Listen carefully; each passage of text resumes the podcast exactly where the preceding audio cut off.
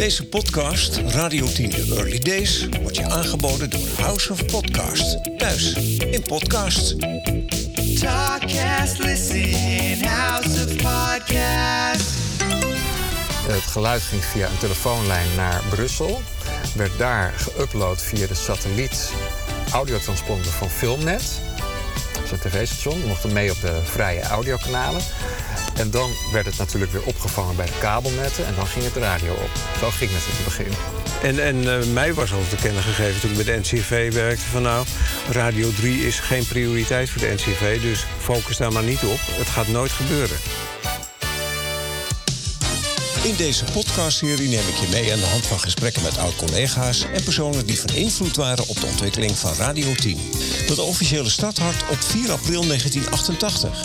We halen herinneringen op en delen de geheimen van Radio 10 met zijn studio's aan de Hontostraat nummer 6 in Amsterdam. Een station dat zich dag in dag uit moest bewijzen en worstelde met haar eigen vinding. Commerciële radio via zogeheten U-bochtconstructie. Niemand had dit kunstje geflikt in Nederland. En toen was daar Jeroen Soer, die samen met zijn vrienden Paul Blomberg en Foppe Jan Smit de toon zette voor het langst bestaande commerciële radiostation van Nederland. Dit is de podcast Radio 10, The Early Days. En ik ben Peter Rijsenbrij. State ascoltando RTO Rete Zero con Radio 10 Gold. Techniek, muziek, jingles, vriendschap en het totale radioplaatje. In gesprek met Corly Bedacht. Elke dag Radio 10. Radio 10.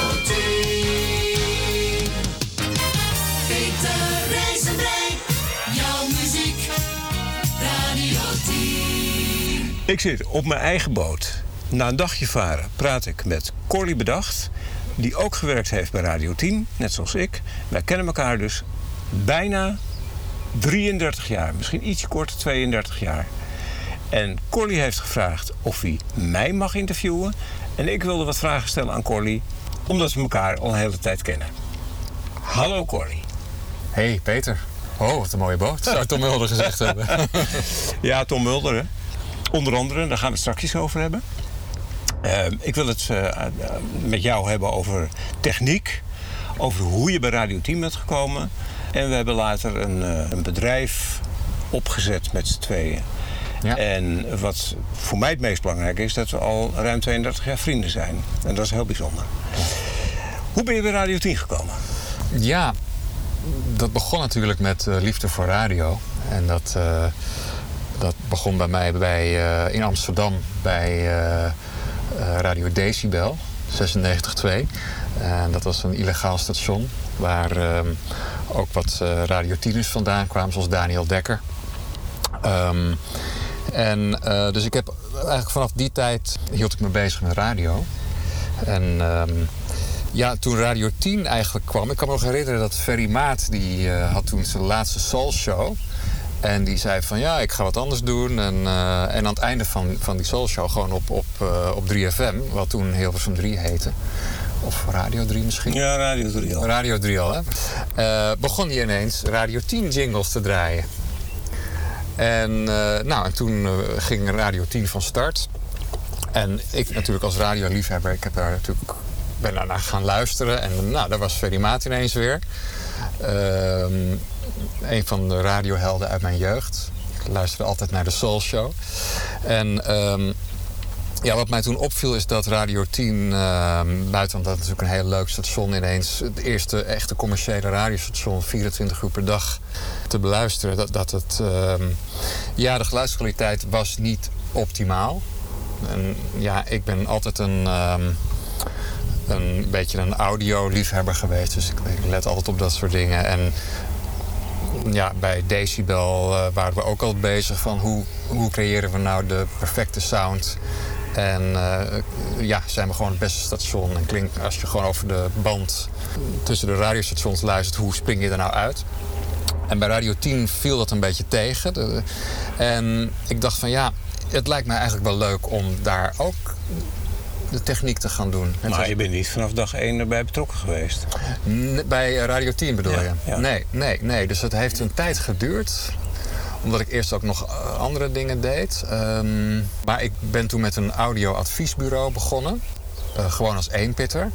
En toen dacht ik van, nou, Radio 10 zou wel een leuke klant kunnen zijn. Ik heb toen contact gehad met meerdere stations. Maar ik heb een brief geschreven gewoon naar Radio 10, naar Jeroen Soer, de oprichter van Radio 10. En eh, daar heb ik gewoon gezegd van, nou ja, eh, het is opgevallen dat geluidskwaliteit redelijk is, maar kan sterk verbeterd worden. Eh, ik kan jullie daarbij helpen. En ik wil graag eens een keer erover praten. Nou, en toen hoorde ik een paar weken niks. Dus ik dacht, nou, dat is balen. maar ja, wat denk je ook? Je bestuurt één brief. Maar toen kreeg ik op een gegeven moment toch een reactie terug. Een telefoontje van Foppe, Foppe Jan Smit, de medeoprichter van Radio 10. En toen werd ik dus uitgenodigd voor, voor een gesprek. Dus toen... ehm, zo ben ik eigenlijk bij Radio 10 terechtgekomen. Dus toen zat ik bij eh, Jeroen Soer op kantoor samen met Foppe Jan Smit. En ehm, ja, eigenlijk al vrij snel wa- was er een klik. En toen zei eh, Jeroen eh, Soer, die zei van... eh, kun je volgende week beginnen? Maar kon je meteen ook wel doen wat je wilde doen? Want je heeft iets in de brief geschreven wat hem triggerde. Ja, de geluidskwaliteit verbeteren van het station. Ja, daar, daar was hij heel nuchter over. Hij zei van ja, dat zal allemaal wel en dat kan altijd beter. Maar we, moeten, we gaan met nieuwe radiostations komen. Er moeten studio's worden gebouwd.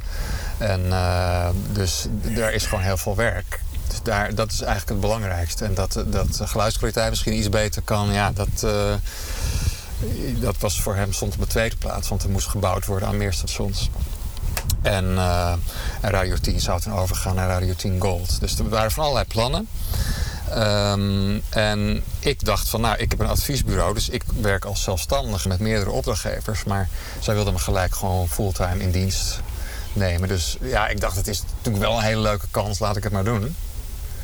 En eh, zo hebben wij elkaar dus ook leren kennen. Ja, maar Daniel en Rob, die, waren, die ook bij Decibel zaten, die waren al weg. Die waren al weg, ja. Dus ik was, eh, ik was er iets later bij. Ik denk eh, rond 1990. We draaien de ouwe. Elke dag. Radio 10 Gold. Wat kun jij nog van die tijd herinneren? Want we deden eigenlijk van alles. Hè? Jij draaide aan de knoppen. Ja, ja simpel gezegd wel. Ehm, alles, alles wat over techniek ging, da- daar ging ik over. En eh, eh, dus problemen aan de studio verhelpen. eh, nieuwe studio's bouwen voor Power FM. het klassieke station. Er zijn natuurlijk meer stations geweest onder de Radio 10 vlag. Dus die heb ik opgebouwd. Maar dus ook inderdaad, hoe krijgen we de geluidskwaliteit van het bestaande station optimaal? Zodat we er echt uitspringen.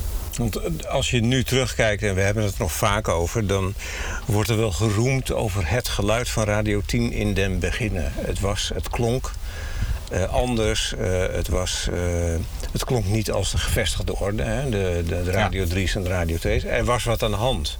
Er gebeurde iets. Het klonk toch anders. En dat heeft mede het succes van Radio 10 bepaald. Hoe verklaar je dat? Ja, ik lees dat nu nog steeds inderdaad terug op bepaalde fora. Ja, het was zo toen ik bij Radio 10 kwam. Toen was er nog het een en ander te doen aan het geluid. En wat ik gedaan heb eigenlijk.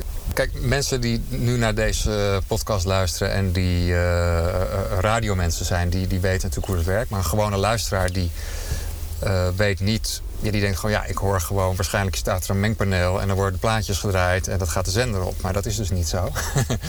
er zit altijd een apparaat tussen de, het geluid wat uit de studio komt en de zender. En dat apparaat, dat, dat noemen ze een audioprocessor, kan je dat noemen. Die maakt eigenlijk de sound van het radiostation. En toen ik daar kwam, toen was er een apparaat dat heette de Jetser. Dat was een heel simpel, niet al te duur apparaat uit Nederland. Ja, dat was gemaakt door Jules Stevenhagen, vertelde Ferry toen. Ja, klopt. Ja. En dat was een heel leuk ding voor studiogebruik. Dus als je gewoon een commercial opneemt en je wil daar een wat dikkere sound van maken, dan kon je dat door het apparaat halen. Dat werkte heel goed. Maar voor een heel radiostation om het als processor te gebruiken, om alles daar doorheen te laten gaan, dat was niet optimaal. Uh, plus, er zat in, toen ik daar kwam. Uh, want we zaten in de Hondhorststraat in Amsterdam Zuid. Het geluid ging via een telefoonlijn naar Brussel. Werd daar geüpload via de satelliet audiotransponder van Filmnet. Dat is een tv-station. We mochten mee op de vrije audiokanalen. En dan werd het natuurlijk weer opgevangen bij de kabelnetten. En dan ging het radio op. Zo ging het in het begin. Dus er zitten heel veel, heel veel stappen tussen. En ik kwam er dus achter dat die muzieklijn van Amsterdam naar Brussel. Ja, die had iets van 10 dB eh, afval in de hoge tonen. Dus die, klonk eigenlijk veel doffer. Het klonk niet zo, zo fris als het zou kunnen. Dus ik heb toen eh, een equalizer tussen gezet om dat verschil in die muzieklijn op te heffen. En uiteindelijk wilde ik ook een andere processor. Dus die Jetser, die wilde ik, eh, wilde ik vervangen door iets anders. Wat zo'n ding dus kan doen, is zorgen dat het geluid altijd even hard klinkt. Dat is wat hij doet. Maar als je een, ja, een wat betere processor gebruikt, dan zorgt hij ook dat platen die meer bas hebben, minder bas of heel helder of juist heel dof, dat dat ook wordt opgeheven. Dus eh, je krijgt een soort eenvormige sound. En als een DJ heel hard eh, praat of zacht praat, hij maakt alles maakt hij een soort gelijk niveau. Waardoor je er heel makkelijk naar kan luisteren. En wat jij me toen hebt geleerd, kan ik me nog herinneren. Dat, eh, ik was daar toen mee bezig met het geluid van Radio 10. En toen liet ik jou wat horen. Toen stond het geluid vrij hard om het goed te horen. En toen zei jij van ja, maar wacht nou even.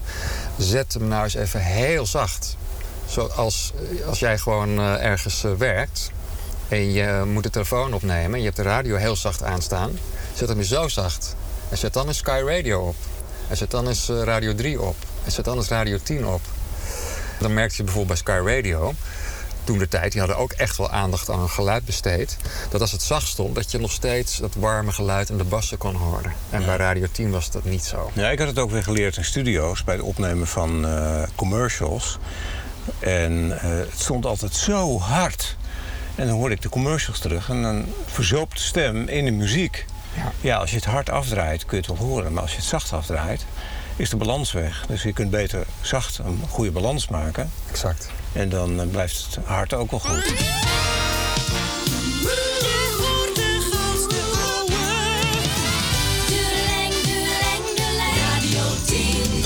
Heb je veel geleerd in die tijd? Eh, dingen die, eh, die je bij Decibel deed, waren die totaal anders dan bij Radio 10? Ja, het was wel anders, ja. Kijk, bij, bij Decibel was het zo dat... ehm, ja, in een kelder hadden we een studiootje gebouwd. En eh, dat kabeltje ging naar boven de zender in. En dat was het. Er zat ook wel een, eh, een compressor tussen. Ehm, dus dat, ik heb daar wel geleerd eh, wat, wat zo'n processorkastje tussen de studio en de zender, wat dat doet. Eh, want ik kan me nog herinneren dat ik was altijd een beetje een audiofreak. En dat betekent dat je gewoon thuis ha- had ik dan goede speakers en een mooie versterker, en een mooie cd-speler en zo. En zo puur mogelijk geluid. Maar bij de radio ging dat door allemaal smerige eh, effectapparatuur heen. Wat je als, audio, als audioliefhebber eigenlijk thuis niet wil.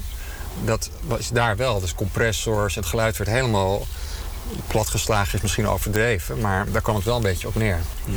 En toen was ik daar met eh, nog een andere technicus bij de Decibel. Hebben we een keer gezegd van ja, wat smerig eigenlijk die compressie ertussen de hele tijd. Laten we dat ding eens gewoon eh, een avondje ertussen uithalen. We hebben het toen gedaan. Eh, voor het pure geluid. Nou, dat klonk op de radio voor geen meter. Nee. er bleef niks van over. We waren ook zachter dan de rest. En het- was gewoon totaal niet die wall of sound die je eigenlijk wil hebben. Zeker ook als je, als je de radio gewoon zacht aan hebt staan. Dus ehm, ja, bij Radio 10 was het in die zin anders dat ehm, het ging ook natuurlijk. Het was een echt bedrijf waar geld werd verdiend. Dus ik kon niet gewoon zoals bij Decibel eh, maar even wat beslissen en wat veranderen. Maar volgens mij hebben wij, maar ik weet het verhaal niet helemaal zeker meer, toch iets gedaan wat niet helemaal volgens het eh, normale bedrijfsprotocol hoort. Ja.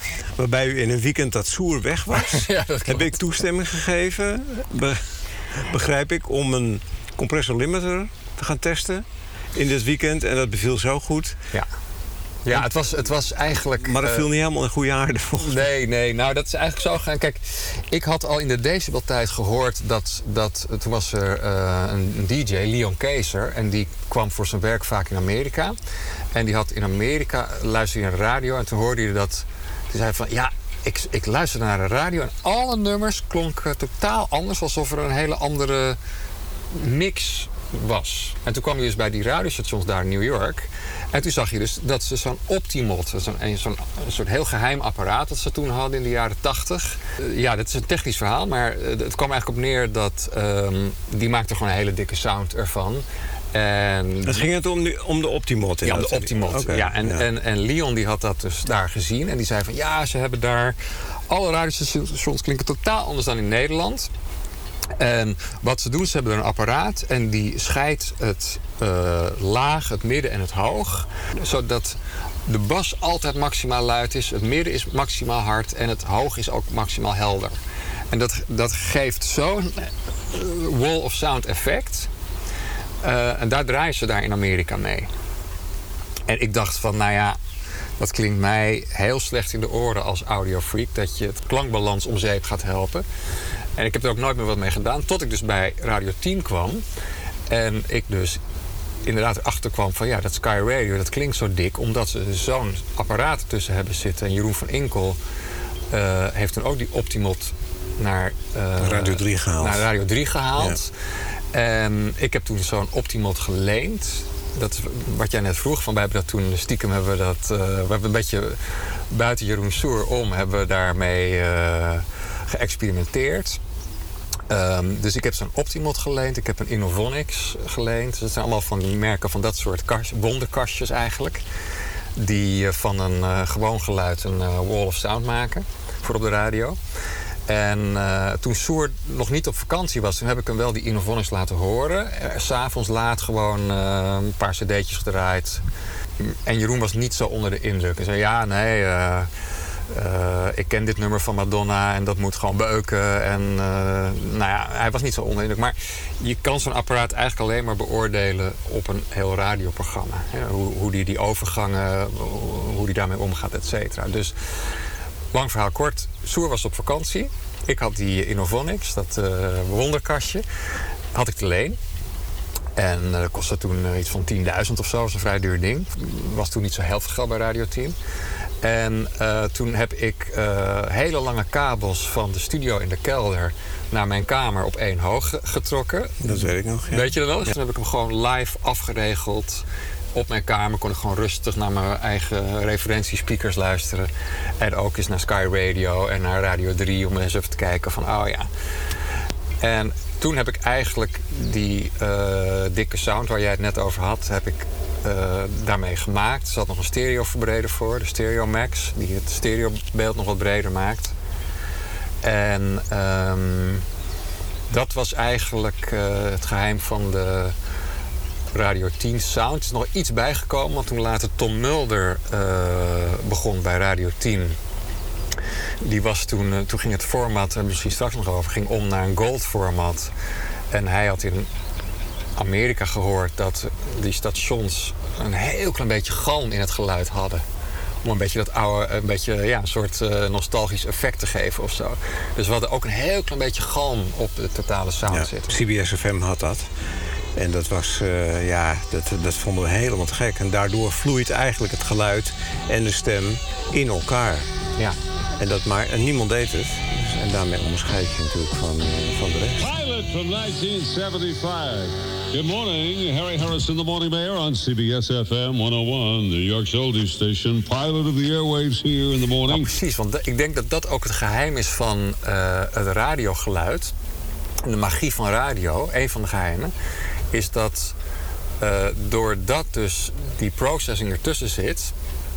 En je kunt zelf, als je, dat nog, als je daar nog nooit in verdiept hebt. En er zijn alleen maar wat gekke DJ's en techneuten zoals, zoals ik die zich daar wel in hebben verdiept. Maar als je, als je gewoon een luisteraar bent die wil eens weten, wat is dat dan? Wat is dat magische geluid dan? Dat kastje, wat doet dat? Dan zet je gewoon eens eh, een radiostation op, een 538 of een Sky of, of een Q Music. En dan eh, luister je naar een nummer.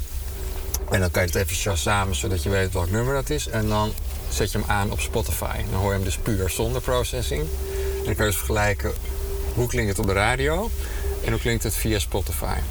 En dan hoor je dag en nacht verschil. Ja. Dan hoor je die wall of sound, eh, dat effect. Hoe lang ben je gebleven bij Radio 10? Niet zo heel lang, ik denk twee, drie jaar of zo. Oké. Ja. Ja, want eh, ja, om het verhaal nog even af te maken. eh, toen we dus dat apparaat ertussen hadden gezet, was toen Mulder er trouwens al niet? ja. Ja, want die vond het wel goed klinken. Dus die, die was ook tevreden. Jij was tevreden, jij was toen eh, programmaleider, geloof ik. En ik vond het ook te gek. En, ehm, dus toen hebben we gewoon gezegd, nou, laten we het maar tussen hangen. En toen kwam Soer terug. en die hoorde dus ineens een hele andere sound van zijn eigen station. Dus die eh, stormde naar mijn kamer en die zei eh, van... wat is dit? en toen zei ik van ja, nou ja, we hebben die Innovonics eh, uitgeprobeerd. En eh, ik heb met eh, Peter Rijzenbrei en met Tom Mulder natuurlijk overlegd. En we vonden het heel goed klinken. Dus het is een verbetering, ik ben ertussen gelaten. Ja, maar je hebt niet met mij overlegd. Nou goed, dus hij was een beetje... Pissed off. ja, hij was een beetje verbolgen. En Ja, dat was ook een beetje de manier waarop Soer communiceerde. Onbespreekbaar, niet te doen, Ja. kan niet. En dan uiteindelijk kon het wel. Ja, hij was een man van superlatieven en ook in zijn enthousiasme. Dus dat, dat was ook leuk, maar tegelijkertijd ook af en toe een beetje beangstigend. Ehm, maar twee dagen later kwam hij weer naar me toe en zei hij van, eh, moest hij toch wel toegeven Ja. dat het geluid toch wel echt beter eh, was geworden. Ja. Nou ja, goed, dan heb je in ieder geval het begin gestaan van de sound van Radio 10. Dat is niet onbelangrijk, toch? Ja, klopt. Ja, toch? Ja. Eh, je bent eh, twee, drie jaar gebleven. Nou ja, goed, Power FM kwam. Klassiek heb je, denk ik, begeleid. Je Ja. bent niet meegegaan naar de Vijzelgracht, hè? Nee. Nee. Toen zijn wij eh, elkaar een tijdje uit het oog verloren. En in 1999 nam ik van eh, Giel Belen, die vertrok naar 3FM. Die deed toen JFK. Jij stuurde mij een mailtje. hey, jij daar? Hoe is het met je? Want jij luisterde naar JFK. Dat vond jij te Ja. gekke muziek. Ja, klopt. Hè, jazzy, funky, cool. Smooth jazz-achtige Ja, muziek. en ik deed de, de, de muzieksamenstelling, want ik was intussen music director geworden van eh, een aantal stations binnen de Arcade Media Groep. Ja. En ja, vanaf die tijd eh, hadden wij eigenlijk het idee van, hey, internet werd wat, wat eh, belangrijker. En we hadden allebei een idee. En dat idee dat was samengevat op een, op een bierviltje, een startpagina. En die startpagina die moest audio en video hebben en toepasbaar zijn voor iedereen in de hele wereld. En daar zouden we dan een verdienmodel op loslaten. En dat was niet, eh, dat ging niet verkeerd. Ja, eh, ik was eh, in die tijd had ik een webdesignbureau. En dus ik was daar al natuurlijk mee bezig met websites. En, en toen wij dus in contact kwamen, is samen dat idee ontstaan. En je had toen startpagina, was toen eh, net eh, ontstaan. Dus we hadden een soort super startpagina eh gemaakt. Ja, die kreeg steeds meer bezoekers. We hebben online marketing gedaan. Dat stond toen allemaal nog in de kinderschoenen. Ehm, en ja, uiteindelijk, dat noem je dan de dotcom-tijd, noemen ze dat nu. Ja, er werden ook krankzinnige be- bedragen betaald voor bedrijven eh, in die tijd. En ehm, dat eindigde toen met Nina Brink, die met eh, World Online naar de Ja, beurs we hebben ging. twee duimen omhoog. Ja, exact. Nou, en Maar er ging ook eh, vliegtuig de, het WTC in. Ja, het ging weer naar beneden, ja. Nou ja, maar goed, in die tijd, net op tijd, dat wij daar... wij hadden die site opgebouwd en die was succesvol. En, ehm, eh, en wij zaten toen op het Museumplein, een heel mooi kantoorpand. Ja. En daar zat dus ook een fusie- en overnamebedrijf. En die zeiden toen van, eh, willen jullie je site niet verkopen? Of zoek je geen investeerder? Of uh, daar kunnen we je bij helpen. Ja. En toen hebben we eigenlijk eh, in een vrij korte tijd... eh, eh, hebben we het bedrijf kunnen verkopen. Ja. Wij, wij verdienden geld met banners. Ja, ja de, banners de bannersysteem. En in, in, die, in de latere fase zijn we Jeroen Soer nog tegengekomen. Want die had een Oh, ja. bannermanagement bedrijfje Ja. opgezet. Zo zijn wij Soer eh, nog tegengekomen. Want die was ook een beetje de dotcom eh weg ja, ingeslagen. Die zat ook die, eh, was ook de internet had hij ontdekt. Ja, ja.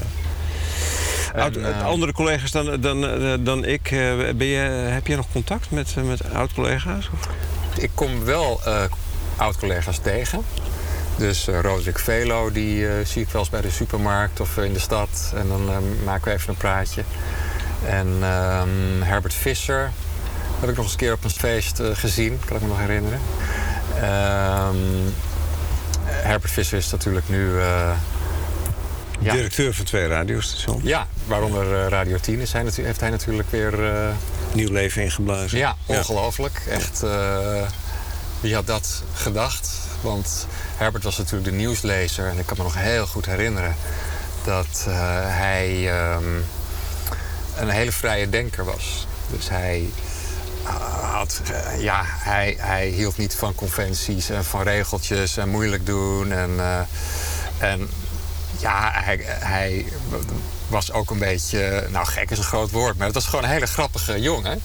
En ook hoe hij daar door de studio's liep en uh, met iedereen geintjes aan het maken was en uh, met pennen aan het gooien. En, ja. dat, dat weet je had een afwijking. Heb ik niet eens genoemd in de, in de podcast met Herbert Visser. Hij had uh, de kwaliteit om heel snel het nieuws te maken.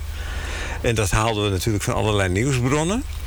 Hij typte op de typemachine, want we hadden geen, ja, ja, want we hadden geen computer nog, een typemachine. Ja. Typte hij heel snel het nieuws. Daar was hij binnen 15 minuten mee klaar.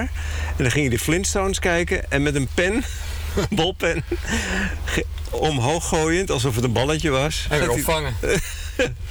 ja, en, ja. Uh, en dan, ik kan me nog heel goed herinneren dat, uh, nou, als Tom Mul die was programma aan het doen en Herbert die moest dan het nieuws lezen. En dan op het moment dat die veder open ging op het hele uur van het nieuws, dan was een hele andere Herbert Visser. Dan klonk, klonk het gewoon als een, ja, stond het als een dijk. Dat nieuws ja. was gewoon, ja, hij, hij was een van de beste nieuwslezers.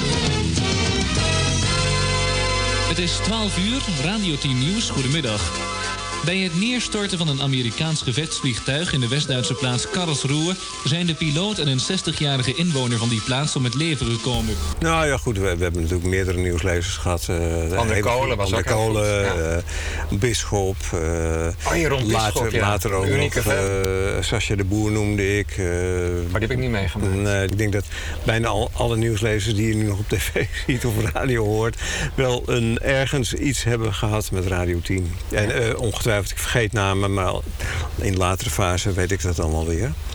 Dus uh, ja, Radio 10 is toch een, een, hele unieke periode. En dat heeft, uh, en dat vind ik wel mooi, ook vriendschappen gebracht. Hè? En, en uh, wij, de, wij kennen elkaar dan al nou ja, vanaf dag één dat we met, met Radio 10 bezig zijn geweest. Ja, want ik heb natuurlijk ook wat vragen voor jou. Want jij stelt mij natuurlijk vragen. Ja, dat had je gezegd. ja. nou ja, go your gang. Ja. Nou, ik ben eigenlijk ook wel benieuwd... ehm, ik, ik, heb, ik had je al gehoord bij de NCRV. Want jij zat natuurlijk, uh, je was al uh, DJ-presentator bij de NPO, zouden we het nu noemen. Hè? Ja, met de publieke. Ja, bij de publieke omroep. En uh, ja, ik ben eigenlijk wel benieuwd hoe, hoe jij bij Radio 10 terecht bent gekomen. Nou, via Ferry. Ik werkte bij de NCRV en dat was een, een, een elf maanden contract. En dan moest je er een maand uit en dan mocht je weer elf maanden in dienst. Zo ging dat. En ik ben begonnen als nachtpresentator, disjockey bij de NCV Nachtexpress. En ik verschoof al snel in tijd, omdat ze vonden dat uh, nou ja, gelukkig de kwaliteit zo goed was dat ik gunstiger tijden kreeg.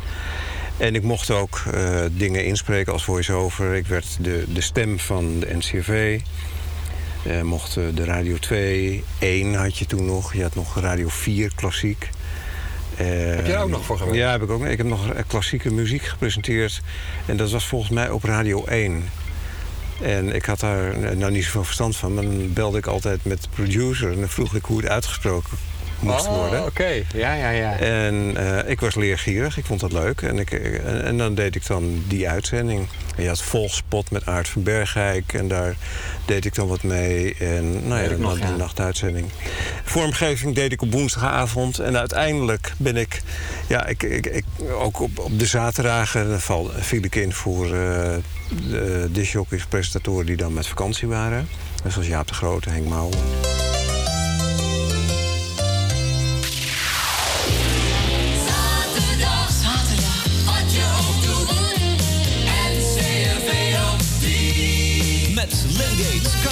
Style, LP Pop, Koploper, Zaterdagsport, Topstation, Paperclip Radio, Popshop, Gospel Rock en 3 voor 9.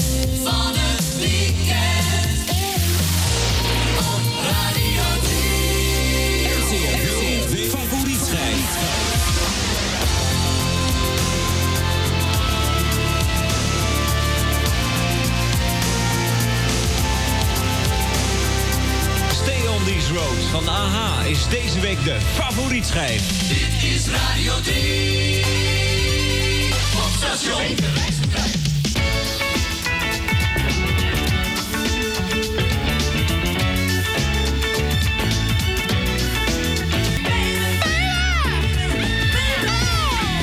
Oh.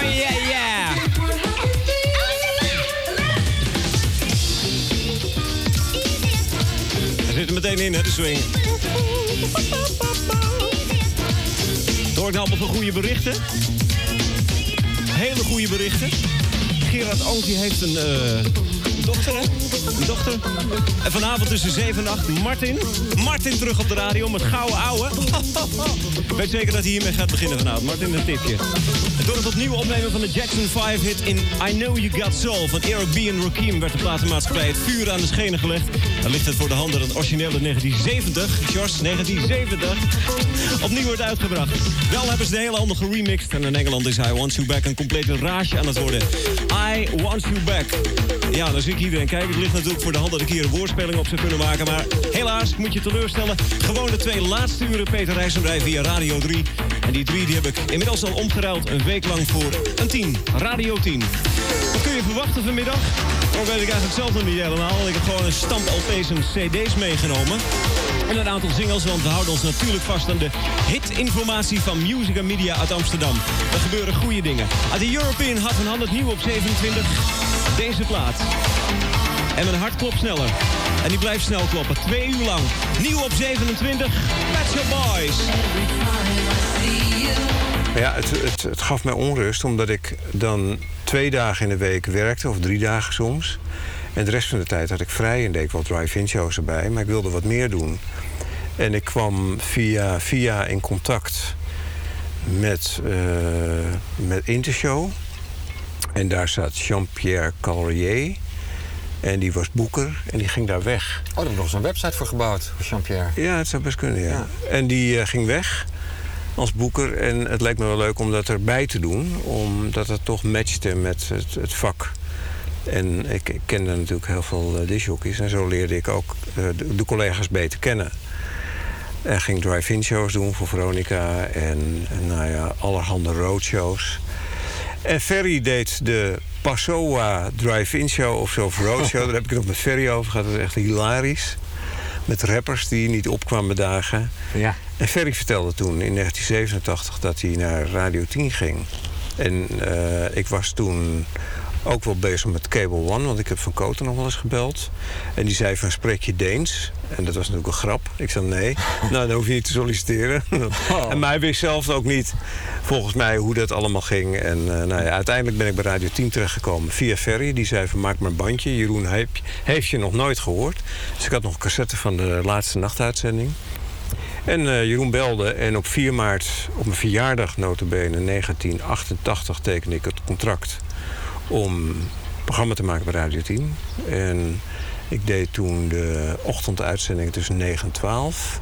Van 4 april. Ik heb eerst nog wat banden opgenomen met Daniel en Rob omdat Radio 10 nog niet officieel uitstond. Het, we hadden bepaald dat het niet op 1 april, maar op 4 april zou starten. En toen ben ik eh, begonnen met een, ja, met een dagelijks programma. Dat was een ultieme wens voor een disjockey om elke dag op de radio Ja. te zijn. Vijf dagen per week, wat wil je nog meer? Ja, want weten mensen die nu zeg maar opgegroeid zijn, die weten dat niet. Dat Nee. Toen had je gewoon op, op eh, Radio 3, wat nu 3FM heet...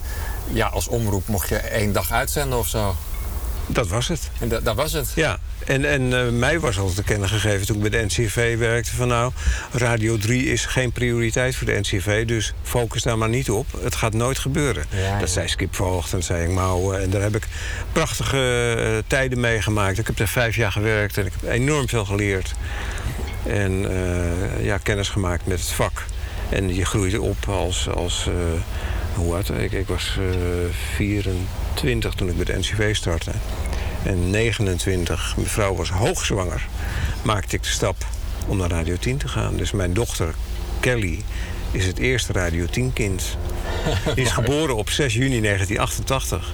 Nou ja, Oranje werd wereldkampioen. Het was gewoon het. eh, eh, we zaten in een jaar. Het was onbeschrijfelijk leuk. Alles, alles kon. Alles. We gingen met boten over de grachten.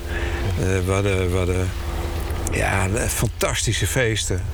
Had je ook het idee dat het, eh, wat was natuurlijk een, nog nooit vertoond... wat, wat Jeroen Soer eh, ja, gedaan heeft met Radio 10... Had je het idee dat het echt succesvol zou worden? Nou, je, je hoopte dat het een succes zou worden. Risico. En, maar ik had wel, ja, het was een risico, maar ik had wel het gevoel van er gaat iets gebeuren. En dat is een beetje een beetje een rare zijstap. Maar dat, hetzelfde is met, met de crypto's nu. Iedereen heeft er wat over te zeggen, maar je voelt dat er wel wat gaat gebeuren. Ja. En of je nu eh, instapt of niet instapt, dat is even niet te belangrijk. Maar het- er is een omslag gaande. En dat had ik toen ook wel met radio. Dat, je, eh, eh, dat we met elkaar, met een soort van bij elkaar geraapt zootje, een, een familieband creëerden. eh, programma's maakten elke dag. Gekkigheid. Eh, het leek wel of alles kon, maar dat kon natuurlijk niet, want het was best wel afgekaderd. Hè. Hadden Ja, er moest geld verdiend worden. ja, er moest geld verdiend worden, daar ging het om. En we hadden, in het begin hadden we een verschrikkelijke commercial van Egon... die iedereen zijn strot uitkwam. en een pingel waarvan iedereen dacht van... "Bleh." En toen kwam Paul Witte gelukkig. En met Paul Witte heb ik samen die, eh, die nieuwe wetse pingel gemaakt. Ja. En Paul Witte die heeft daar... eh, nou ja, die, die heeft daar echt wel een, een, ja, een heel bekend deuntje van Radio 10 heeft hij omgezet in een prachtige pingel. En het jinglepakket, het, het, weet je, het klopte allemaal. Maar dat, dat besefte je toch niet op dat moment.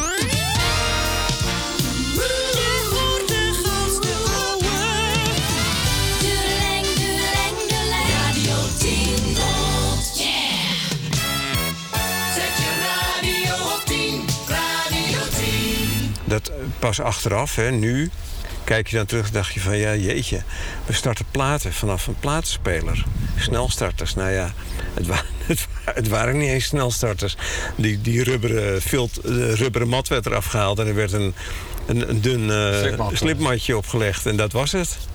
Al snel gingen we natuurlijk naar die cd-spelers, die, eh, Die Technics. eh, die Technics, ja. maar die waren om de haverklap een heel snel stuk. Ja. Waarom? Niet alleen omdat ze de, iedereen de cd's erin roste, en, maar om, er werd ook gerookt in de studio's. Ja. En ik was altijd tegen roken. Los daarvan het was slecht voor dat, dat lensje. Dus dat, dat was rommelig en dat besloeg. Maar ja, goed, dat, dat, dat, hoort- dat hoort erbij. En dat maakt het natuurlijk allemaal romantisch. Dat je met een platenspeler bent begonnen. Ja. En eh, uiteindelijk is dat tegenwoordig, ja, als je nu kijkt... eh, al- Computers. Computers, alles is computers.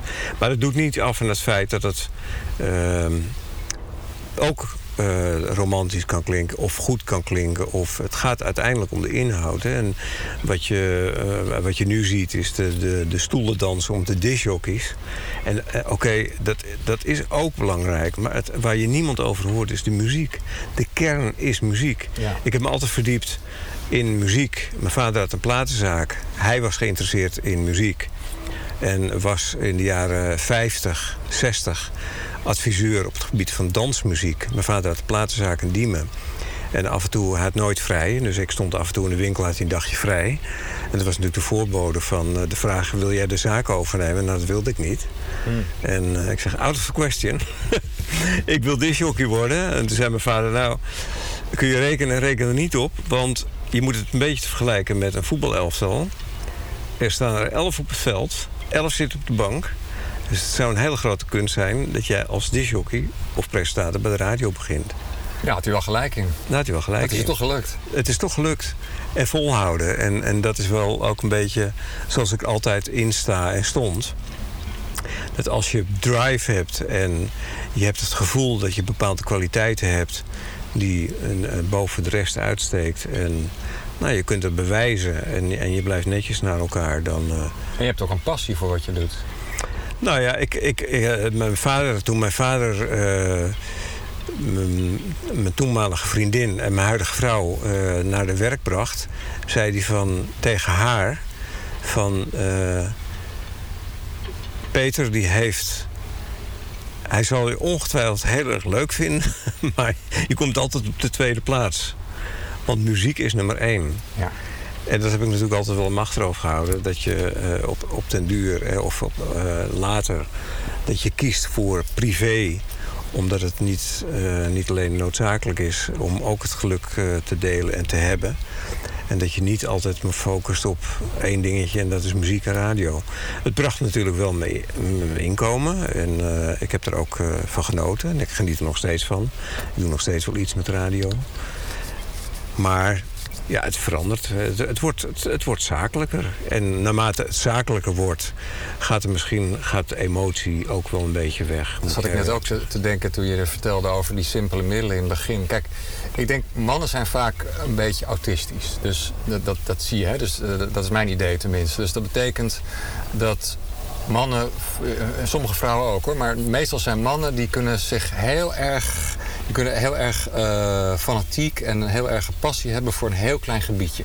Of dat nou muziek is, eh, zoals een Mozart of een Beethoven of een Chopin, die, hè, dat, die zaten gewoon urenlang alleen maar te componeren. Nou, dan ben je wel aardig autistisch. En dat geldt natuurlijk ook voor, voor radiomaker. Als je dat, dat je passie is, zoals het bij jou was, en je wilt dat doen en je wilt het bereiken. En je vader zegt van ja, je hebt, je hebt misschien een 9% kans, hè, of wat is het? Eh, en het lukt je toch. Ehm, wat wil ik nou zeggen? Ja, en, en ook de, juist de simpelheid van toen, toen jij begon. Toen waren er nog geen eh, computers waar, waar een hele radiostudio in zat en met allemaal mogelijkheden. Nee, je had inderdaad gewoon een platenspeler. Cassettebandjes. Ja, cassettebandjes en een jinglemachientje en een, eh, en een oud mengpaneel. En, en ja, maar daardoor ehm, was het misschien juist extra magisch. Omdat je dus met die beperkte middelen... Kijk, hoe minder middelen je hebt... hoe meer het op jou aankomt van wat, wat kan je ervan van maken. Ja. Nou het is hetzelfde met, eh, met kijk naar de Formule 1. Ze hebben tegenwoordig zoveel techniek. Het gaat uiteraard wel om de man die achter het stuur zit. Dat is heel belangrijk. En dat gold voor ons ook. Dat wij bepaalde kwaliteiten moesten hebben om A, te kunnen communiceren. B, om de juiste muziek te kiezen. Want in het begin eh, hadden we een format. En dat was bedacht door Ferry. Ik, eh, even gemakkelijk gezegd, een hit, een tip en een gouden ouwe. En dat moest dan een hit zijn geweest uit het, in de top 40. En dan had je twee free choices. Nou, sommige discjockeys die, ja, die focusten meer op de free choices dan op die, Ja. eh, die hit, de tip en de raarste dingen kwamen al langs, hè? Ja. Zo happy als op 10 heb je radio nog nooit gezien. Maar dat was voor eh, dat Radio 10 Radio 10 Gold ging heten. Hè? Toen, dus dat eerste format, dat was door Ferry Maat. Ja, dat was een A4'tje. En dan moest je de, de plaatjes beneden in de fonotheek, eh, de cd'tjes pakken of de plaatjes. En toen waren in het begin de singeltjes. En de, in dat singelbakje. En dan had je een singeltje gedraaid. En moest je dat singeltje naar achteren doen. Want dan mocht de volgende mocht het niet van achter kiezen, maar van voren. Oh ja, volgens mij hebben we het bij Decibel ook. Of misschien dat het een ander station was. Ik heb dat wel eens eerder gezien. Dus dat je inderdaad... Je had nog geen scheduling met een computer. Nee, helemaal niks. En je, maar je wilde niet dat elk plaatje elke uur weer langskwam. Dus dan werd het plaatje wat die ochtend werd gedraaid... die werd dan in een andere bak gezet. En dan mocht je Ja. niet meer aankomen. Ja, ja, want in het begin deed, eh, nadat wij eh, stopten met het zelf samenstellen, was er een music director, Ron Sterrenburg. Die heeft daar niet zo lang gezeten. Ik, ik weet niet meer precies, ik denk een jaar of zo. Ja, die heeft toen ook alle, alle platen die gedraaid werden... heeft hij allemaal gecategoriseerd. Gecategoriseerd, ja. En dat werd dan met, eh er was een programma, Selector, van RCS.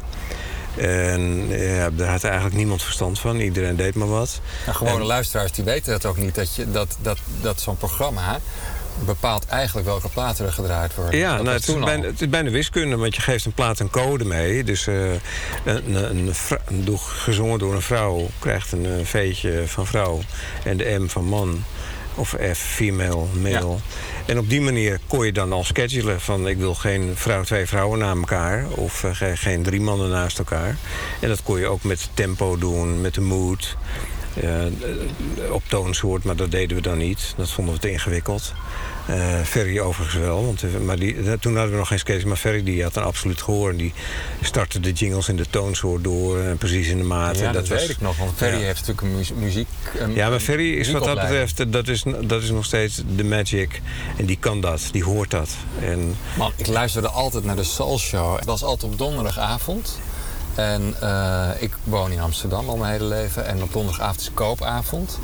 En ehm, als je dan door de stad liep, de winkels waren natuurlijk open, dus dan eh, door de Kalverstraat of zo, dan hoorde je gewoon, bijna elke winkel had dus de Soul Show aanstaan.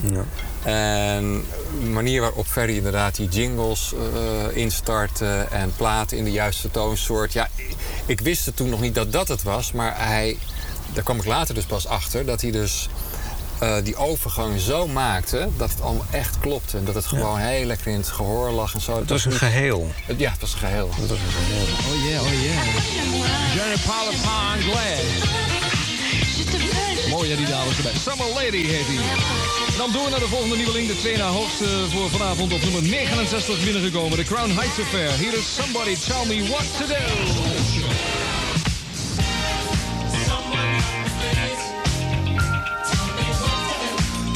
Terug naar eh, Selector. Selector eh, en het start van Radio 10 moest meer gestructureerd worden.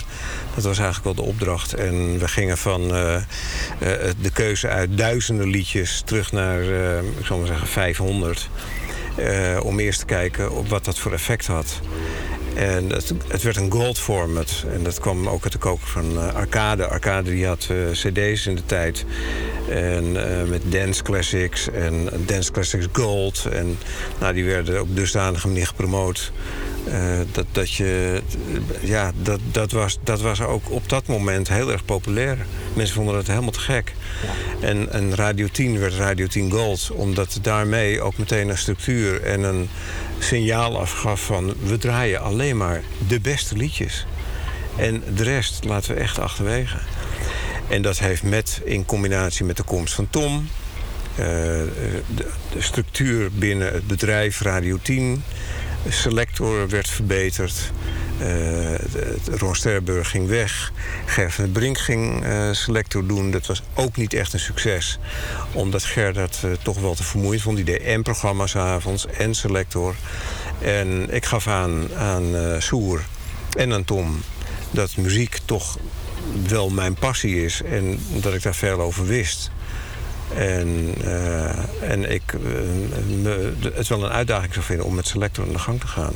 En dus ik heb met, toen nog met Peter van Dam een Selector ingericht. Was een En- België radio. Ja, die, die, die, die, was een vriend van Jeroen Soer. En eh, met Philippe uit Parijs, die eh, Selector vertegenwoordigde, hadden we dan veel contact. Dan kon je dan eh, technische aanpassingen doen aan het programma, omdat we bepaalde wensen hadden. Nou ja, dat heeft uiteindelijk, heeft het, denk ik toch wel ook het, het succes van Radio 10 gebracht. Dat wij structuur hadden in het format, de jingles klopten, de, de presentatie. De grootste hits, de meeste prijzen. Was afgekaderd. Was natuurlijk te grappig voor woorden. Want op een gegeven moment werd er gezegd... je mag eh, maar 10 seconden praten. Ja, nog 15 seconden. Nog vijf seconden. Noem je naam. Noem, je naam, noem, noem station. Jij moest Dus- altijd Radio 10 Gold zeggen. Altijd Radio 10 Gold, ja. ja. En, eh, en dat was natuurlijk om, op, op een drillachtige manier werd het gedaan. Ja, om, ik weet nog wel dat, dat als Edith eh Edith programma had, Edith de Doos, dat je dan daarna de stem van Soer heel hard door het trap gaat. Edith, verdomme, je zou dit en dit doen. hield, hield zich er niet ja. aan. Ik zei, je spreekt van 10 seconden, niet van 14 minuten. Ja, ja, ja, maar haar programma was wel altijd, was altijd een enorme fan eh, van hoe zij dat deed. Ja, ja. nou ja, goed. Dat, eh, kijk, het zette ook iedereen aan het denken hoe je economisch met je woorden omgaat. Want ja, je, je kunt natuurlijk wel oeverloos ouwe hoeren en, en praten over muziek. Nou, het punt is wat Ede deed, en die, die, die over- overtrad vaak de regels. Maar zij had zo'n eh, komisch en leuk talent, en ook muzikaal talent, dat ja, bij haar kon het eigenlijk wel. Maar dat als, als anderen dat gingen doen, zouden gaan doen, daar was denk ik bang voor. Ja. Ja, jij had toen ook dat bandje meegenomen van CBS FM. FM, zo, ja? Dat ja. is ook een goldstation uit Amerika. Ja. Ja, die hebben het natuurlijk uitgevonden, de strakke formats. Nou ja, Tom en ik die luisterden heel vaak eh, naar cassettes in, eh, in zijn boerderij in Loosdrecht. En dat waren de voorbeelden van Harry Harrison en eh, Dan Ingram. En Cousin Brucey, dat waren de stemmen van CBS FM. En wij deden, eh, Tom deed ook Harry Harrison niet na, zeg ik. Maar Tom had ook een natuurlijke manier van golvend praten. Een beetje die, Ja, die hele intonatie van Tom. Hele Oh, dat- ja, wat Eddie Keur nu ook nog eh, steeds doet. En, en Eddie Keur ook toegeeft dat hij eh, dat geleerd heeft. overgenomen heeft van Tom. Ja. Maar dat is allemaal prima. Hè. Kijk, je kunt beter iets kopiëren van iets wa- waarvan je denkt van... hé, dat zou wel best een eh, succes kunnen zijn hier. En Tom had dat trucje, ik noem het even een trucje, maar zo bedoel ik het niet, had dat door. Ja. En, en wij, wij, eh, we lagen echt in een, in een, echt in een, in een stuip om de grappen en grollen van Harry Harrison met de, eh, met de weerman en, en Peppy heette die geloof ik. En, het- ja, het verkeersinformatie. Het ging allemaal over hele standaard dingen. En, maar je was geheel ge- ge- gebiologeerd, zat je te luisteren, hoe zij dat deden. Ja, en CBS FM is echt het prototype geweest voor Radio 10 Gold destijds. Ja.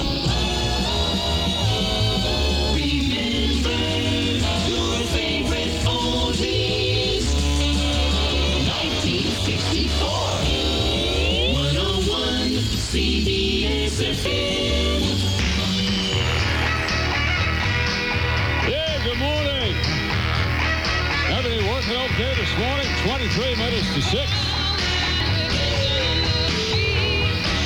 Yeah, dancing in the streets.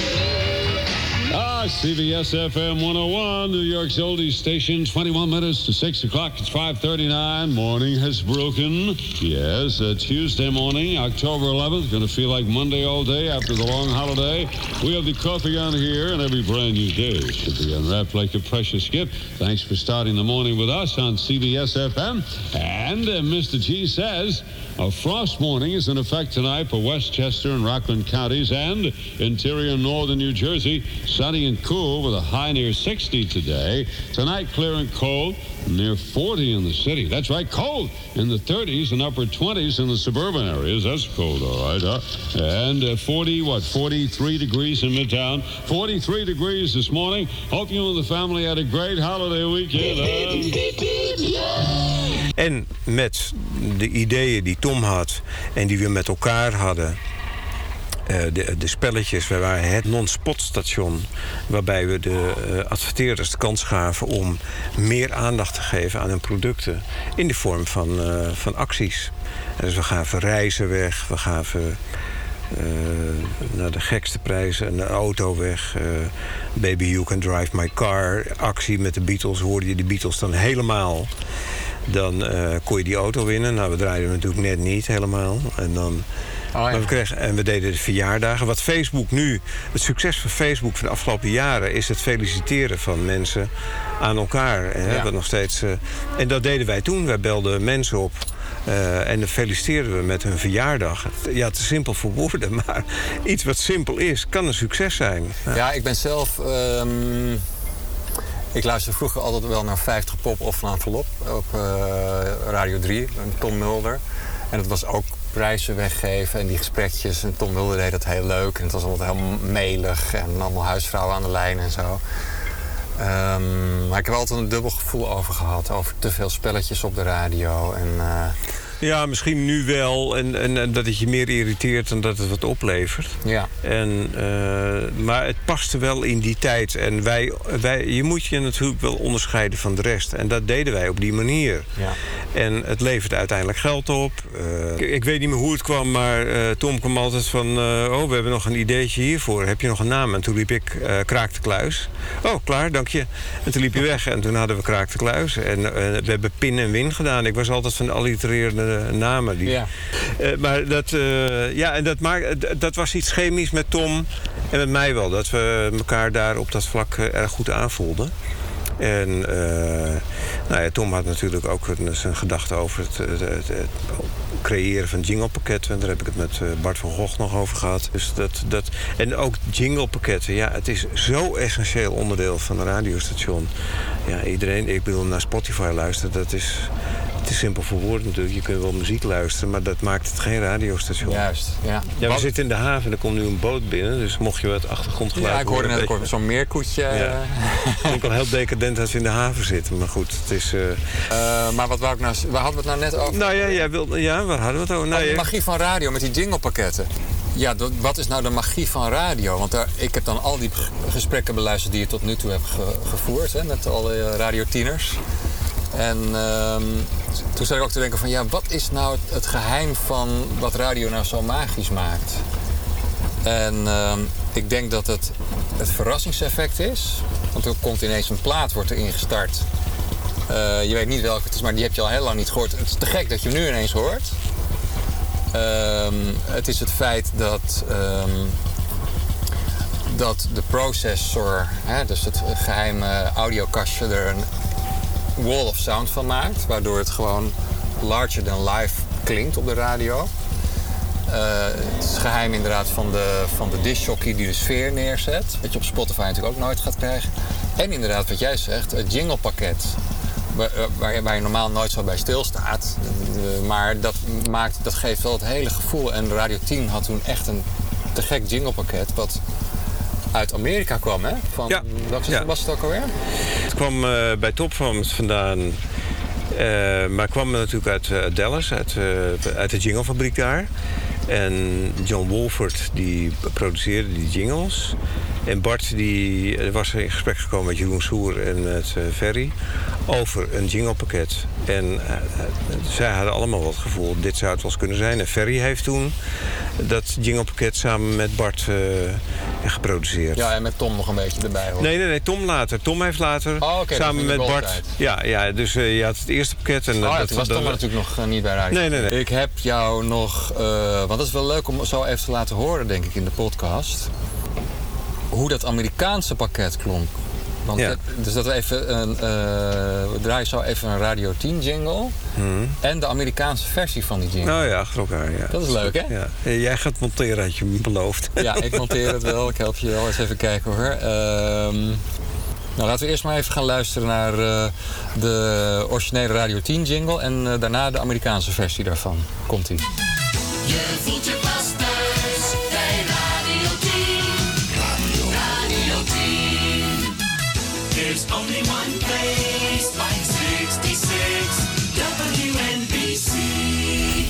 Dus dit zijn dus de twee jingles. En die laatste is dus de Amerikaanse die we net hoorden. En dat station heet dus WNBC. NBC, ja, ja. ja, een van die grote. ja. En dan hoor je dus dat, dat in feite is het hetzelfde jinglepakket. Maar hoe, ja, hoe is dat eigenlijk ingezongen? Want gebeurt dat dan in Nederland of, of, of in Amerika? Is dat met Het is Nederland? in Nederland ingezongen. Met Nederlandse Ja, za- zangeressen ja, en zangers, hè? ja. Maar ligt het nou aan mij, omdat ik al, eh, ligt het nou aan mij omdat ik al zo lang meega?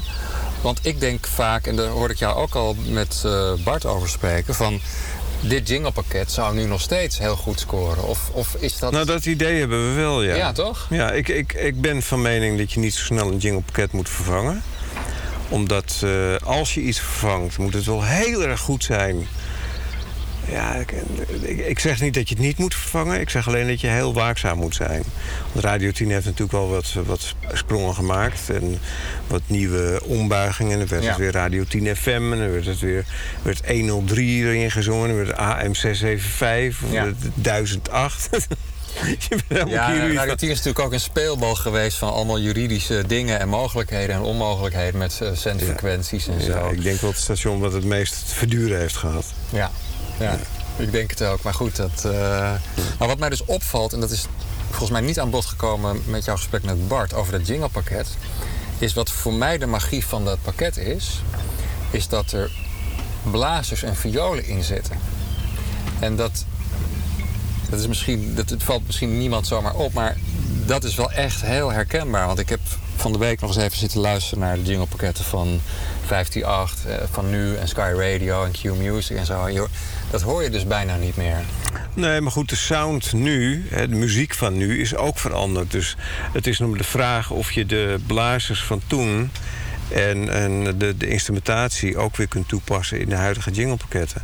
Geeft dat nog dezelfde snelheid? En Ja, dan het kun je- format moet- moet zich ervoor Weet je, dat, ja, het format moet zich ervoor lenen. Als je een gold format hebt, dan kan dat wel. Want je, je appelleert natuurlijk en je draait oude muziek. Want elk nummer wat gewoon heel funky klinkt en wat echt, als je dat op een feestje aanzet, wat gewoon eh, iedereen naar de dansvloer trekt, dat zijn altijd die nummers met die trompetjes, die funky ja, trompetjes ja. erin. Funking for Jamaica. Ja, Maar dat, gel- dat geldt ook voor muziek. Hè? Dus eh, niet alle muziek is geschikt voor de radio. Je kunt wel zeggen, ja, maar eh, een plaat is gemaakt om te draaien op de radio. Nou, dat is dus niet zo. Gewoon, er wordt muziek gemaakt en of het geschikt is. Of een plaat een hit wordt, dat wordt niet door jou bepaald. Dat wordt door de luisteraar bepaald. Door de mensen die dit liedje leuk vinden. Ik heb wel eens van iemand die had, een platenmaatschappij en die gaf ehm verzamel-cd's uit. En eh, toen vroeg ik hem van hoe bepaal je nou welke nummers echt de hit zijn en die gaan scoren en die, er, die jij uitkiest. Wat, wat maakt nou eigenlijk een hit? En toen zei hij van, ehm, ja, dat kan je eigenlijk heel, eh, heel simpel horen. Je zet gewoon dat nummer op en in de eerste minuut moet alles gebeurd zijn. Dus er moet een, vaak heb je, helemaal in het intro heb je een fragmentje van het refrein, maar dan niet gezongen, maar gewoon muzikaal of door een synthesizer of wat dan ook. En tot het refrein, en dat moet één minuut zijn, dan moet eigenlijk alles gebeuren. Nou, ik heb Harding ooit eens horen zeggen van het moet binnen 30 seconden gedaan zijn, anders zet ik hem uit. Ah ja, ja, ja. Nou, dat is eh, nog, nog sneller. Maar ik heb toen inderdaad al die hitjes van toen, toen, toen mij dat werd verteld, heb ik eens beluisterd. En het klopt inderdaad. Die eerste 30 seconden tot een minuut. Ja. Maar ja, goed, net zo goed als dat een plaat in de top 40 staat en nummer 1 staat, wil nog niet zeggen dat het een ideale radioplaat is. Hè. Dat kan op dat moment een hit zijn omdat het eh, hip is om te draaien in een discotheek. Of eh, omdat iedereen het leuk vindt om keihard te- in de auto te draaien. Maar dat wil nog niet zeggen dat het geschikt is voor de radio. En dat is vaak de balans waar we altijd in zochten bij Radio 10. Naar de beste liedjes die bij elkaar hoorden. En de definitie, het moet per se in de top 40 hebben gestaan. Ja, dat was wel wat we zeiden. Maar dat was het niet altijd. Want we draaiden ook liedjes die in Amerika een hit geworden, eh, geweest zijn. En die draaiden wij. Ja, om, echt, het, om net even dat, dat dat sausje te geven. Ja, het radiogevoel, die bepaalde Wij, wij draaiden eh, een liedje bijvoorbeeld England Dan en John Ford Coley. I love to see you tonight. Ik zal even zo eh, even een heel klein stukje van laten horen. It's been such a long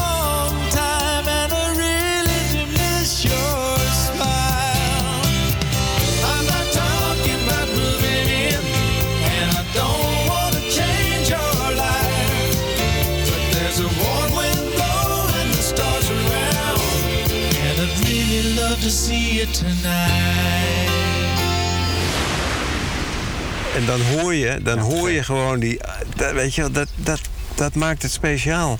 Dat kun je niet uitleggen. Jij zei ook altijd, ik kan me nog herinneren, van ja, bepaalde liedjes die eh, eh, zijn een uitschakelfactor. Die moet je gewoon niet draaien, hè, want dan zetten mensen de radio zacht of uit. Nou ja, kijk, je hebt natuurlijk het, anno nu veel meer geforme- eh, geformateerde radio.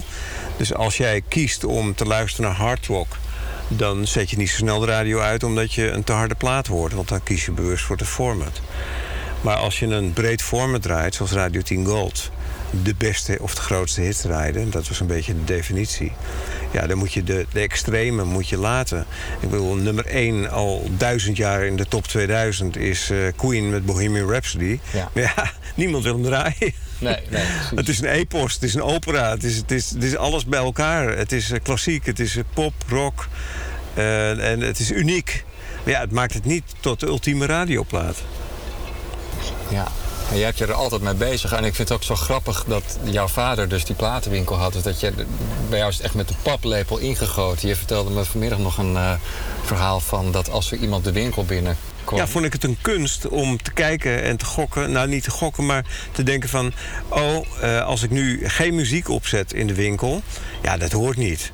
En dan koos ik, dacht ik, hoopte ik de muziek die die persoon leuk vond. Ja. En dan, eh, ja, dan kwam een vrouw binnen en, eh, van middelbare leeftijd... en dan draaide ik BZN. Dan draaide ik niet een eh, disco... Ja, je hoeft er maar twee woorden met Ja. iemand te wisselen en je wist al een beetje van... Ja, de- ja, ik, moet, ik moet dat format eigenlijk eh, op, op die persoon loslaten. Maar het zit, ook, het zit ook een beetje in je genen. Ik ben er natuurlijk mee opgegroeid. Mijn vader schijnt eh, ook iets voor de radio gedaan te hebben. Dat had hij me nooit verteld, maar dat heeft hij in de tijd dat hij Alzheimer had, eh, schreef hij een dagboek. Voor zover het dan nog mogelijk was. En dan schreef hij dat hij in de jaren 50 iets voor de AVRO heeft gedaan. Ik heb het nooit geweten. Ik weet het niet. Maar het zou best kunnen dat hij ook al toen met radio bezig was. En dat heeft bij mij wel iets losgemaakt als kind, denk ik. Want ik had al een transistorradiootje. Dat, dat staat ergens beschreven nog in de folder die Radio 10 uitbracht met, eh, van Red Band. En eh, dat radio, dat transistorradiootje heb ik nog steeds. Maar dat was voor mij eh, het. Ik kon een radio aanzetten. En ik had altijd ingebeeld van... stel nou dat ik dat zelf kon doen. Zelf praten op de radio. Dus ik ben dan met 27 MC met een bakje de hele dag slap houden en dat ging nergens over. En eh, twee meter band, eh, zendertje en, en eh, spotjes maken en dishockeywedstrijden. En ja, dat heeft uiteindelijk gebracht waar ik, eh, waar ik ben beland bij de radio.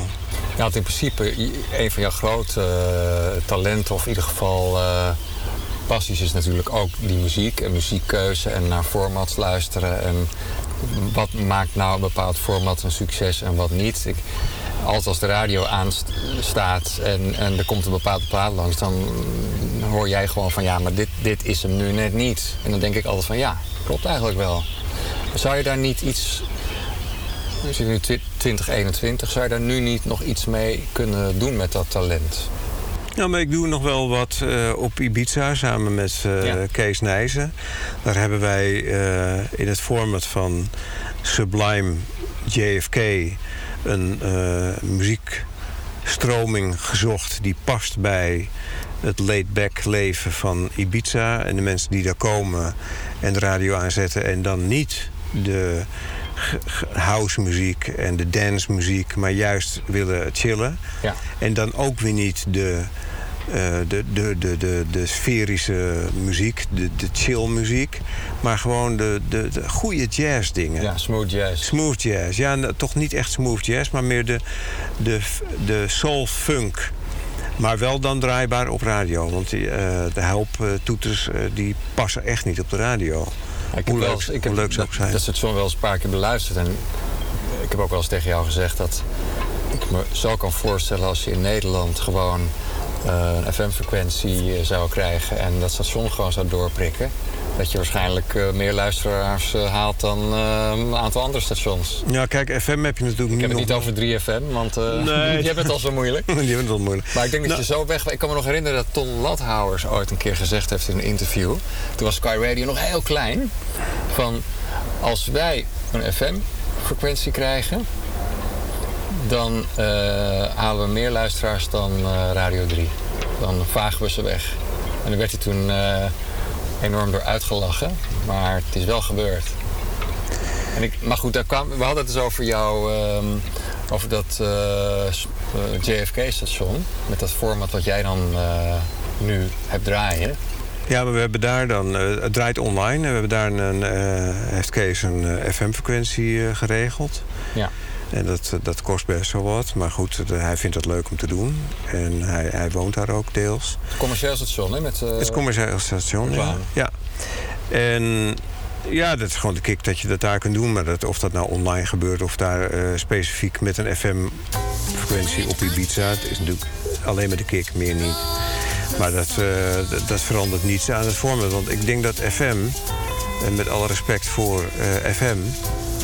voor ons radiomakers wel... dat was het wel, maar dat is het niet meer. Het is, iedereen kan overal, met elk device, op elk moment muziek draaien, een radiostation aanzetten. En of die nu eh, in, in, in een radiostation in India is, of in Suriname of in Nederland, dat maakt niet uit. JFK. Is dat wel eens onderzocht hoe er nu het meeste naar radio wordt geluisterd? Nou ja, voorlopig blijft FM-band natuurlijk voor de grootste groep het makkelijkst. Toch wel, hè? Ja, maar de jeugd die kent het woord radio denk ik niet eens meer. Die, eh, die zetten YouTube aan, die luisteren naar eh, s- streaming media. En ja, die, die, die tippen elkaar en die, die laten radio echt links liggen. Maar wat is dan het jongste het station met het jongste publiek? Is dat 538 nu of Q Music? Q 538, ik denk Q doet het heel erg goed. In 2049 is nummer 1. En eh, ja, het, het is een beetje stuivertje wisselen. Goed, ze hebben bij eh, Q een, eh, een radiodirecteur zitten die bij 538 vandaan komt. En die het spelletje goed kent. Een super aardige gozer. En, maar ik zeg niet dat 538 het verkeerd doet.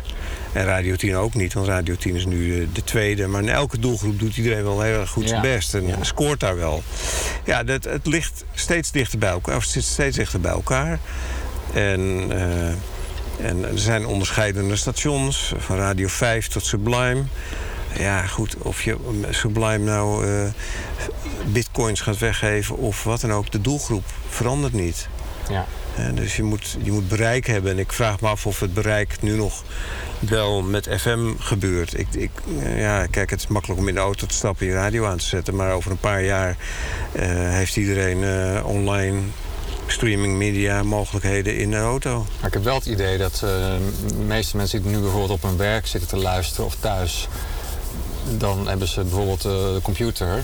Dan zetten ze toch wel weer 538 of een Sky Radio op. Ja, nee, het is ook wel makkelijk. Ik zeg ook niet, kijk, en het, is, eh, het merendeel, de grootste groep, luistert nog wel Op op de 10. makkelijke manier. En, eh, maar ja, als, als de kwaliteit verandert of minder wordt, of het begint te irriteren, of het matcht niet meer met jouw wens om iets te kunnen willen luisteren, dan kies je voor een andere mogelijkheid. En dan pak je je telefoon en je zoekt een ander station. En of die nou in Antwerpen zit of nogmaals, dat maakt niet uit. Ja. Ja, Belgische radio, dat is natuurlijk ook een eh, hoofdstuk apart. Wat mij altijd zo opvalt is dat als ik naar Antwerpen rijd en ik lu- luister zo over naar wat radiozenders daar, dat je altijd bepaalde, dan heb ik het over gewoon eh popmuziekradiostations, een beetje hitradio, of nou, maar ook wel wat oudere dingen, dat er altijd hitjes langskomen die je eigenlijk al was vergeten en die je ook in Nederland bijna niet hoort. Nou, dat, zij. ik heb, ik heb eh, voor Talpa eh, International heb ik eh, 4FM in 2004, 2005 nog eh begeleid. Weet ik nog, ja. En eh, die hadden ook echt een mega database met liedjes. En ja, dat vinden wij als Nederlander dan wel weer grappig dat we die horen. En dat maakt het ook wel weer leuk. Maar ja, ook daar weer. Het, je ziet het aan Joe. Eh, dat de vervanger is of de andere naam voor 4FM. Dat ze toch ook voor een niche format kiezen. eh, 80s en 90s. En dat, die, eh, dat- dat ook steeds beter gaat. Je, het is niet de hoeveelheid muziek die je draait. Het gaat erom dat je de balans zoekt in de juiste liedjes. Want niemand luistert de hele dag naar de radio. Je luistert een moment. En het is juist eh, de, het mooie dat je met in een format en met een, met een computer kunt bepalen van oké, als ik liedje A op maandagmorgen om 9 uur heb gedraaid, dan, eh, dan zorg ik ervoor dat hij de komende week niet meer op datzelfde tijdstip voorbij komt. Ja. En dat is dan wiskundig. En- Omdat mensen eh, altijd een, een bepaalde tijd... Patroon, nou ja, mensen hebben, iedereen heeft een patroon. Dus als jij om eh, acht uur je bed uitgaat en je zet de radio aan, bij wijze van spreken, dan weet je dat, nou ja, dan is voor jou geldt altijd dat je op dat moment de radio aanzet. Dus het zou niet slim zijn dat je elke dag op hetzelfde tijdstip hetzelfde liedje hoort. Ja, ja op zo'n manier wordt het inderdaad eh, gevarieerd. Ja. Dat iedereen die altijd naar die ochtendshow luistert, die hoort datzelfde hitje. Niet iedere keer weer, maar dan, wordt dat, dan komt die smiddags misschien wel langs. Ja. Kijk, en de, en de meeste eh, opmerkingen komen altijd eh, van de mensen die langs luisteren. En dat is dan direct input. En dat is eigenlijk het grootste gevaar. Dat daar moet je niet naar luisteren. Als je als disjockey in het land draait, dan eh, zijn de mensen die de sfeer willen bepalen in de zaal, het beter weten dan de disjockey, die komen het eerst naar je toe. Hey, draai even Paradise bij de Dashboard Light. En anders krijg je een dreun voor je kop. nou, die draaien natuurlijk niet. Ja, daar wacht je mee tot het eind. Ja. ja, de echte freaks die de hele dag zitten te luisteren, dat is natuurlijk maar minderheid. Hmm. Die naar de radio luisteren de hele dag. Nou ja, die zullen ongetwijfeld wel luisteren, maar die, die, die swappen van het ene kanaal naar het andere kanaal. Nee, die hebben ook een andere definitie of eh, die, die willen luisteren om te luisteren of te kijken wat er gebeurt in Radioland. Maar dat heeft niks met de algemene luisteraar die gewoon de radio aanzet voor, eh, voor fun. En je hebt toch ook van die begrippen zoals drive time. Dus dat, dat gedurende de, de files dat mensen naar hun werk en van hun werk Ja, nou, ik vraag me af of Drivetime nog geldt tegenwoordig in coronatijd. Nee, nu even niet. Nee. Dat is denk ik ook de reden dat Q-Music een groot succes is geworden. Omdat millennials eh 2049 meer thuis gewerkt hebben en niet in de auto zaten. En, ja, en, en, en de kracht van Evers was natuurlijk ook wel dat hij op dat tijdstip de mensen in de auto vermaakte. Ja. En, en eh, ja, het, ik, ik, het- er is geen, op dit moment geen tweede Evers klaar. Het zijn, er zijn hartstikke leuke discjockeys. Ik Maar nu toch op Radio 10 iemand die van de NPO komt. Wie is het ook alweer? In de ochtend. eh Gerard Ekdom. Ja. Ja, ja nee, maar goed, ja, Gerard Jullie doet ook hartstikke goed? leuk. Jawel, prima. Iedereen heeft zijn kwaliteiten. En, eh, maar, maar wat Tom had, de Magic. Wat Ferry heeft, de Magic. Ja. Er is uniek talent. En, en dat had Edwin ook. Die had iets. Bijna, eh, weet je, het een beetje een kopie van André van Duin. De snelheid, de grappen, de manier, de warmte ook. En ja, dat, dat kun je niet kopiëren. Dat, dat zit in je. Je hebt bepaalde kwaliteiten en die heeft je eh, vo- volledig benut. En dat was een succes ook voor 538 in die tijd. Ja, het, eh, ja, als je die Amerikaanse radio-experts hoort, die zeggen altijd van de morning show bepaalt eigenlijk Altijd, ja. het hele station, hoe Ja, dat scoort en zo. ja. De rest van de dag of mensen blijven hangen. Nou ja, als jij eenmaal op de zender staat, dan eh, willen ze niet zoveel moeite doen om aan die knop eh, te zitten. En als dat goed klinkt, dan is dat wel de basis voor de hele dag. Over goed klinken gesproken. Ehm, Power FM hebben we nog niet over gehad. Want daar, daar las ik laatst ook weer een, een, online wat dingen over. Dat, van hoe dat nou ontstaan was en eh, ehm, wat nou die unieke sound gaf. Want, want Power FM was natuurlijk toen een, ehm een hitradiostation eigenlijk. Hè? Het was eigenlijk de 538 van toen Ja. is eh, Power FM... Nee, ik zeg het verkeerd. 538 van nu is Power FM destijds. Ja, En, eh, ja, ja, precies. Ja, goed, het was een tijd vooruit. Het was eh, ongetwijfeld heel leuk bedacht. Maar ja, de kids luisterden niet naar de kabel. Dus de definitie radio, jeugd, hoe ze luisteren, dat is veranderd. En, dat, en daardoor is het succes van Power FM. En dat was een keus van Arcade om eh, ze volledig te storten op Radio 10. Dat was het verdienmodel. Ja. En Power FM, dat hing er een beetje bij. En er zat echt ongelooflijk talent in. Want Edwin Evers die heeft ook nog eens ingevallen voor bij Radio 10.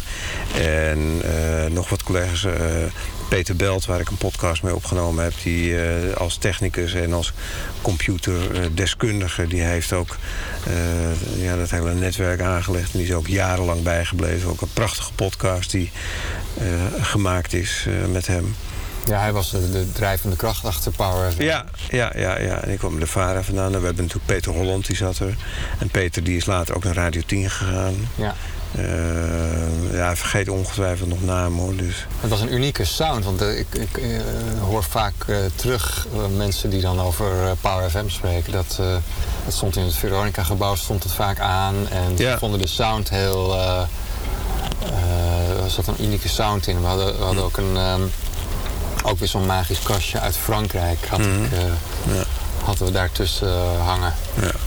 Ik zeg vaak tegen eh, gelijkgestemden die naar radio willen luisteren... hoe moet ik radio afregelen? Ga naar een eh, Frans station, een radiostation in het zuiden... en luister naar die manier van, eh, van, van ja, afstellen van, van processing. Ja, die hele sound in de Ja, dat klinkt gewoon sound, briljant. ja, ik zeg niet dat, dat- geluid. Nou ja, goed, het, het, het, het, het, het komt heel erg mooi over. Ja. Hey, mooie podcast zo. We hebben weer. eh, we zullen ongetwijfeld 80% niet verteld hebben. Maar ik denk dat we. eh, nou ja, we hebben toch wel weer leuke dingen Ja, heel leuk opgerakeld. om- om weer eens, eh, Ik vond het leuk ook dat jij vragen stelde aan mij. Want, eh, ja, Ja, jij komt anders nooit aan bod tijdens Nee. deze podcast. Oh jeetje. Hè? Terwijl jij toch een van de... Je bent een beetje de motor van het station geweest. Nou, nee, dat wil ik niet zeggen. Maar ik ben wel vanaf 88 tot 2000 gebleven. Toen, ben ik, eh, toen heeft Tom me nog tussentijds, toen ik met jou bezig was met dat internetbedrijf, eh, nog teruggevraagd. En toen heb ik nee gezegd, want ik zag het toch niet zitten. Dan was die, ging Radio 10 nog 103 FM. En ik was er eigenlijk ook een beetje klaar mee na 12,5 jaar. En toen eh, ik na wat omzwervingen ben directeur geweest van een evenementenbureau. En dat stopte. Eh, en Tom kreeg hersenbloeding. Ben ik weer teruggegaan naar Radio 10. Gevraagd door eh, Erik de Zwart via René Verkerk. Van ja, we hebben tijdelijk iemand nodig, want er is iets met Tom aan de hand. Ja. En toen ben ik daar tot maart 2007 gebleven. En omdat het financieel met Radio 10 niet goed ging... en er wat afspraken onderling gemaakt waren om Radio 10 toch te redden... moest de hele zwik eruit en bleven er een paar over... eh, om eh, ja, geconsolideerd verder te gaan, zoals dat in vaktermen heet. Dus, eh, maar ik luister nog steeds met veel plezier naar eh, de oud-collega's en eh, de collega's die er nu zitten. Ja, beroepsgedeformeerd luister je. Maar Radio 10 is wat mij betreft na 33 jaar nog steeds een van de leukste radiostations van Nederland. Ja, ja. dat was eh, ja, ook het eerste commerciële station. Ja. Min of meer. En daarvan stonden wij aan het begin. Zo is dat. Leuk gesprek. Dankjewel. Tot zover deze podcastserie Radio 10 The Early Days. Met dank voor de mooie gesprekken. Zet je radio. Zet je radio.